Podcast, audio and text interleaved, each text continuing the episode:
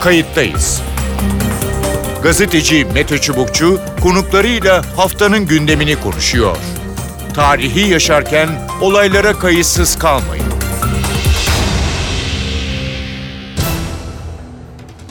İyi günler bir kayıttayız programıyla daha karşınızdayız. Tarihe ışık tutmak ve olan biteni anlamak için önümüzdeki dakikalarda birlikte olacağız. Ben Mete Çubukçu, editörümüz Sevan Kazancı.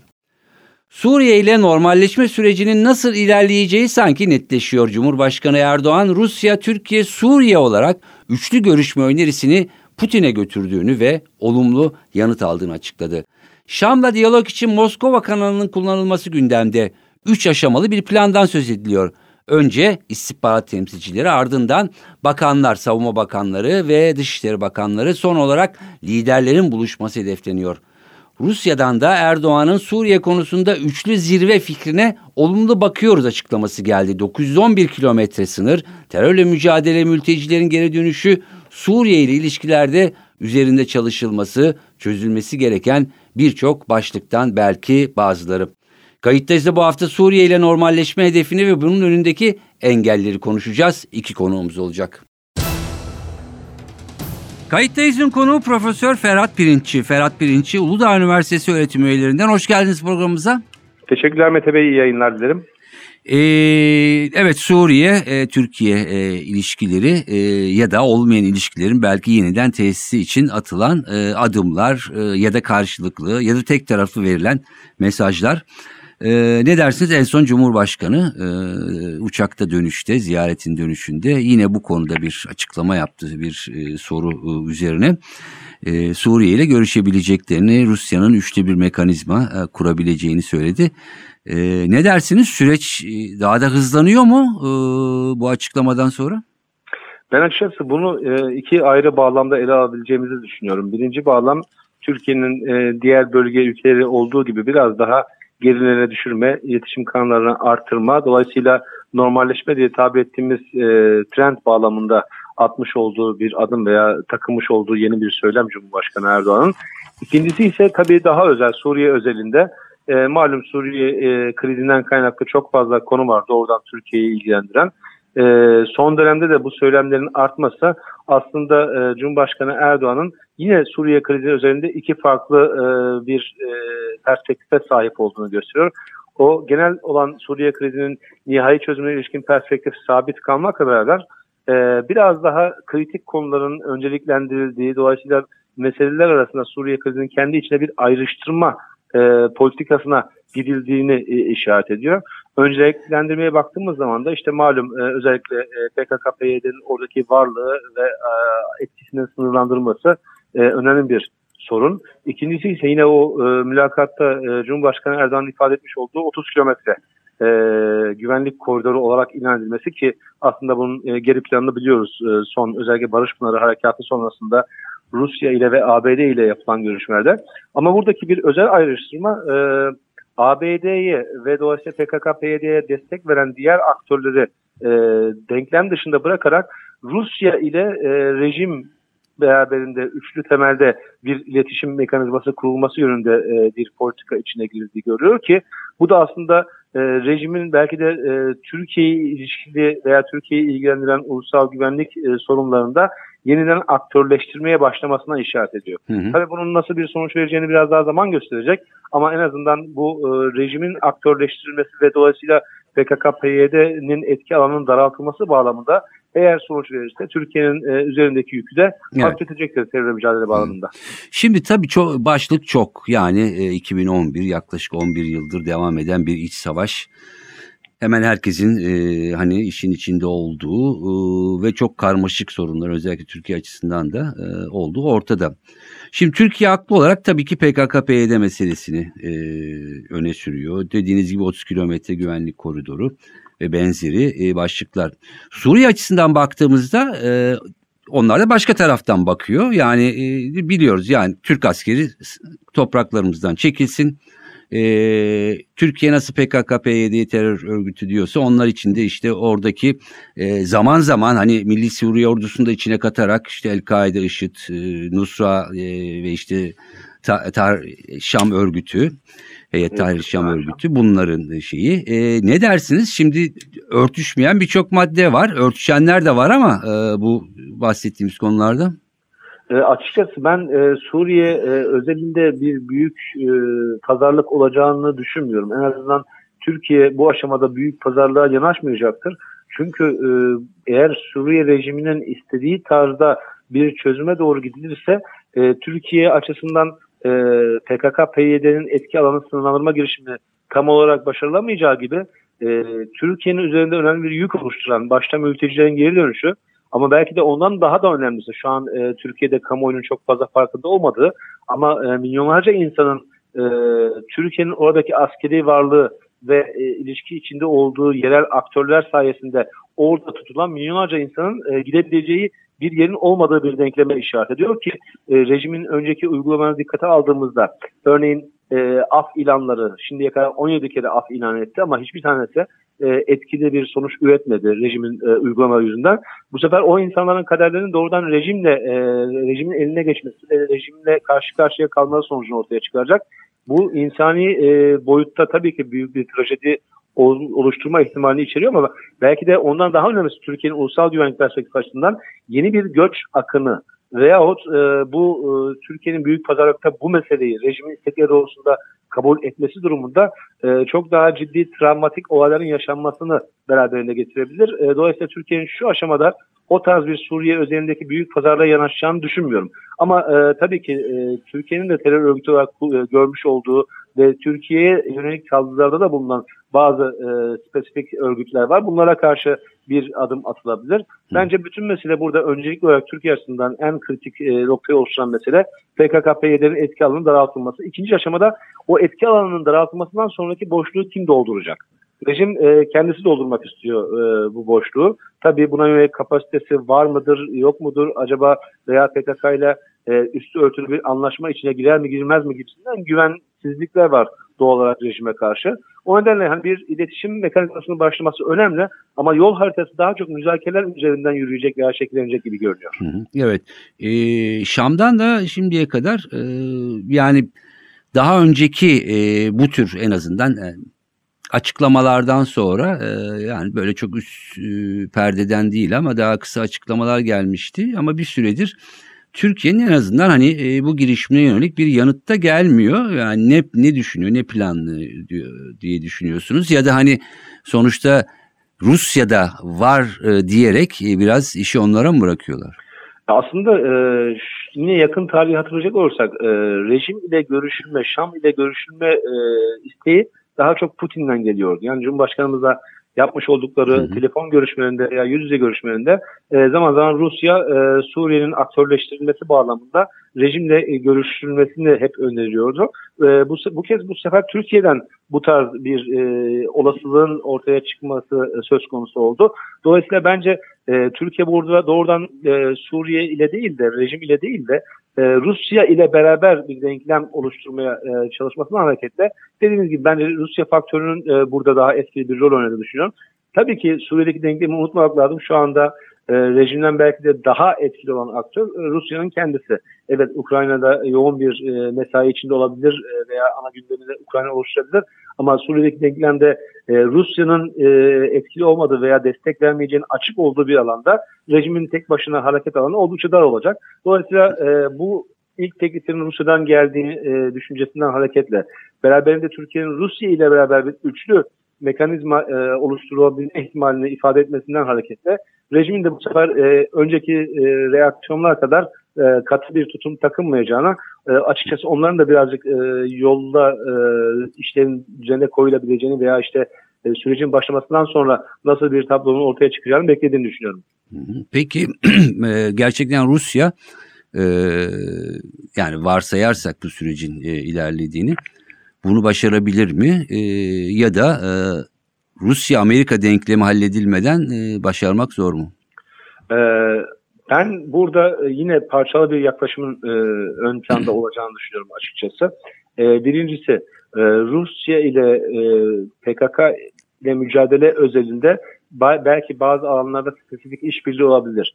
Veya Rusya rejim ile beraber rejimi ikna ederek Türkiye ile böyle bir işbirliği alanı oluşturabilir. Ama e, Türkiye'nin bu birinci opsiyonu veya öncelikli opsiyonu büyük ölçüde maliyeti azaltmak için e, yapılan bir opsiyon. Sonuçta rejimle e, yapılacak bir işbirliği çerçevesinde e, terörle mücadelenin ortaya çıkaracağı reaksiyon ile e, Türkiye'nin tek başına harekata girişmesi sonucunda ortaya çıkacak reaksiyon aynı olmayacaktır. Ama e, velev ki Rusya ile e, yürütülen müzakere çerçevesinde bunlar sonuç vermedi veya vermeyecek. O zaman işte Türkiye'nin tek başına e, harekete geçmesi ihtimali söz konusu olabilir.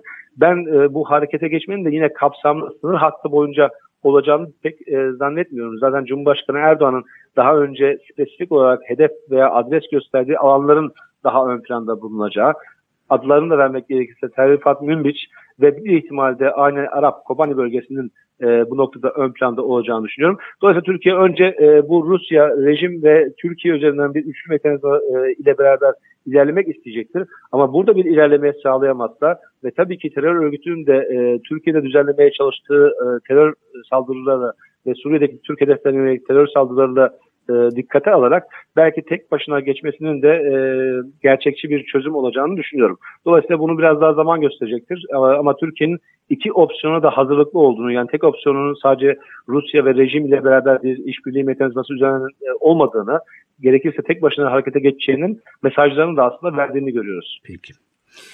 E, Ferhat Birinci çok teşekkür ediyorum programımıza katıldığınız e, ve yorumlarınız için. Ben teşekkür ederim. İyi yayınlar. Sağ olun. Kayıttayız'ın konuğu Oytun Orhan. Oytun Orhan, Orsam yani Orta Doğu Araştırmaları Merkezi Direktörü. Hoş geldiniz programımıza. Hoş bulduk, teşekkür ediyorum. Ee, Ankara Şam yakınlaşması ne kadar e, yakın, e, ne kadar e, uzak, e, mesajlar e, ne anlam içeriyor? Cumhurbaşkanı'nın en son bir üçlü mekanizmadan söz etmesi, e, yani Rusya'yı da içine alacak ki Rusya'nın hep e, önerisiydi Ankara ile Şam'ın e, bir araya gelmesi. Ne dersiniz? Süreç e, hızlanıyor mu? E, ya da hani artık böyle bir mekanizma e, düzenine girip e, belli bir süre içinde gelişecek mi? Çünkü Cumhurbaşkanı önce istihbarat dedi, sonra Savunma Bakanları, Dışişleri Bakanları en sonunda biz bir araya gelebiliriz dedi. Buyurun. Evet.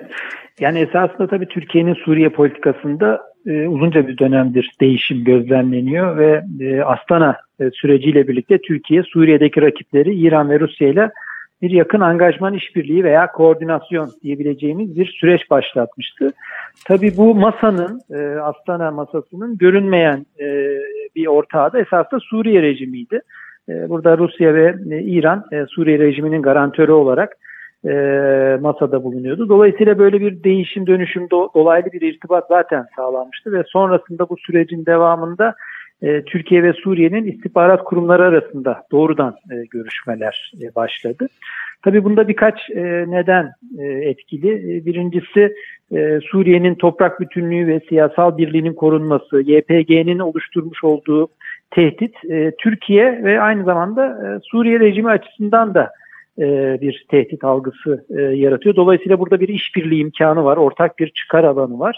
E, ama buna karşılık e, iki ülkenin son 10 yılı aşkın süredir sürdürmüş olduğu rekabet, sahadaki çatışma e, iki ülkenin normalleşmesi, yakınlaşması önünde de çok ciddi bir e, engel e, teşkil ediyor. Ama hı hı. artık e, son bir iki yıl içerisinde Suriye'de hem sahadaki gelişmelerin hem de siyasi sürecin bir tıkanma noktasına geldiği e, gözüküyor ve bu tıkanmayı aşabilmek açısından da e, Rusya'nın da bu yöndeki e, telkinleri baskısıyla diyebiliriz. Ankara ile Şam arasında e, krizin bu tıkanmışlığının aç, aşılması hem siyasi çözüm konusunda hem de sahada YPG ile mücadelede bir çözüme ulaşılması konusunda bir irtibat sağlandı. Ama tabii ki diğer bölgedeki normalleşme örnekleriyle kıyaslandığında e, Ankara-Şam normalleşmesinin önünde çok daha zorlu, çetrefilli hı hı. E, sorunlar olduğunu söylemek mümkün. Bu kadar kolay bir süreç e, yaşanmayacaktır. E, çünkü 10 yılı aşkın süredir devam eden bir karşılıklı güven bunalımı var. Evet. Sahada halen taraflar e, karşı karşıya İdlib sahasında zaman zaman doğrudan çatışma içerisine giriyorlar. Ve e, biliyoruz ki her ne kadar YPG'nin temel e, arkasındaki destek Amerika'da olsa e, Şam rejimiyle YPG arasında da müzakereler zaman zaman e, yürütülüyor. Hatta bazı bölgelerde iki aktör arasında bir e, karşılıklı çatışmamaya dayalı bir koordinasyon da var. Hı hı. Ve Türk e, Türkiye'nin e, YPG'ye düzenlediği e, kimi saldırılarda Suriye rejimine e, mensup askerler de e, etkisizleştiriliyor, hayatını kaybediyor. Yani dolayısıyla yani o e, YPG rejim ilişkisinde de tam Türkiye açısından çok güvenilir bir e, ortak olur mu olamaz mı konusunda bir şüphede var. Ama bütün bunlara rağmen e, özellikle Amerika'nın e, ve Batı'nın almış olduğu pozisyon ve e, Suriye meselesine olan ilgisizlikleri ve siyasi çözüm süreci konusunda da bir adım atılamamış e, olması Türkiye'yi biraz daha bölgesel işbirliğine e, yönlendiriyor. E, o anlamda e, Suriye rejimiyle e, YPG'ye karşı ortak mücadele temelinde Türkiye'nin bir e, işbirliği başlatma e, veya en azından koordinasyon Evet. başlatma çabası e, gözlemleniyor. Bu noktada tabii Rusya'nın e, destekleyici olduğunu söyleyebiliriz ki Cumhurbaşkanı Erdoğan'ın işte Türkiye, Suriye ve Rusya arasında bir üçlü mekanizma ve oluşturalım önerisine Rusya'dan da olumlu bir e, yanıt geldi. E, zaten böyle bir e, girişim olursa bu muhtemelen Rusya'nın arabuluculuğunda ve ev sahipliğinde muhtemelen olacaktır diye düşünüyorum. Hı hı. E, bundan sonraki aşamada bu e, istihbarat kurumları ve kamuoyu önünde gerçekleşmeyen görüşmelerin bir üst aşamaya, siyasi aşamaya, diplomatik aşamaya ve daha kamuoyu önünde yürütülen daha üst düzey e, görüşmelere evrilmesi e, söz konusu e, olabilir. Hı. Ama tabii burada Türkiye'nin kırmızı çizgisi YPG e, meselesi. Hani bu konuda e, rejimin de YPG ile ilişkiler konusunda Türkiye'ye daha fazla e, güven veren ve gerçekten e, sahada YPG'nin e, bu, şu anda kontrol ettiği bölgelerden çekilip buralarda rejim unsurlarının kontrolü e, ele aldığına dair Hı hı. e, bir e, tablo, bir e, süreç e, görmesi e, gerekiyor. Buna karşılık tabii yine sürecin önündeki en büyük engellerden biri Suriye rejiminin Türkiye'ye dönük talepleri. Yani YPG konusunda işbirliği e, olabilir ama buna karşılık Türkiye'nin e, Suriye'deki e, harekat bölgelerinden çekilmesini ve Suriye'nin e, pardon Türkiye'nin Suriye muhalefetine verdiği e, desteği kesmesini Hı hı. e, bir ön koşul olarak dile getiriyor Suriye rejimi. E, bu tabii Türkiye açısından şu aşamada çok kabul edilebilir bir e, talep değil.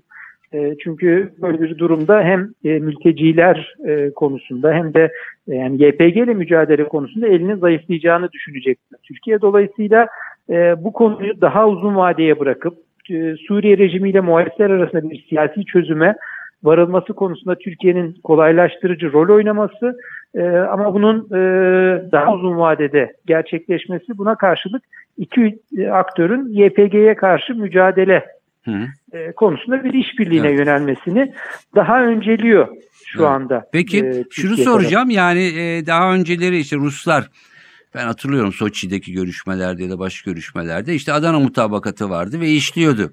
E, şimdi artık Evet. Adana mutabakatı bütün olan bitenin yanında biraz herhalde e, tırnak içinde e, basit kalacak ama bu tür bir şey e, Türkiye'yi e, en azından ilk adım olarak ikna edebilir mi? E, olabilir yani Adana Anlaşması e, Türkiye algısında son derece olumlu bir Hı hı. e, anlaşma. Yani gerçekten Adana Anlaşması sonrasında e, Suriye rejimi PKK'ya desteğini kesmiş ve PKK'ya karşı çok samimi bir işbirliği sergilemişti. E, dolayısıyla e, Adana Anlaşması esasında bundan sonraki dönemde Ankara-Şam ilişkilerinin zeminini oluşturabilir. Hı. Ama tabii ki şartlar çok e, Değişti, değişti. Hı. Yani şartlar e, de- farklı.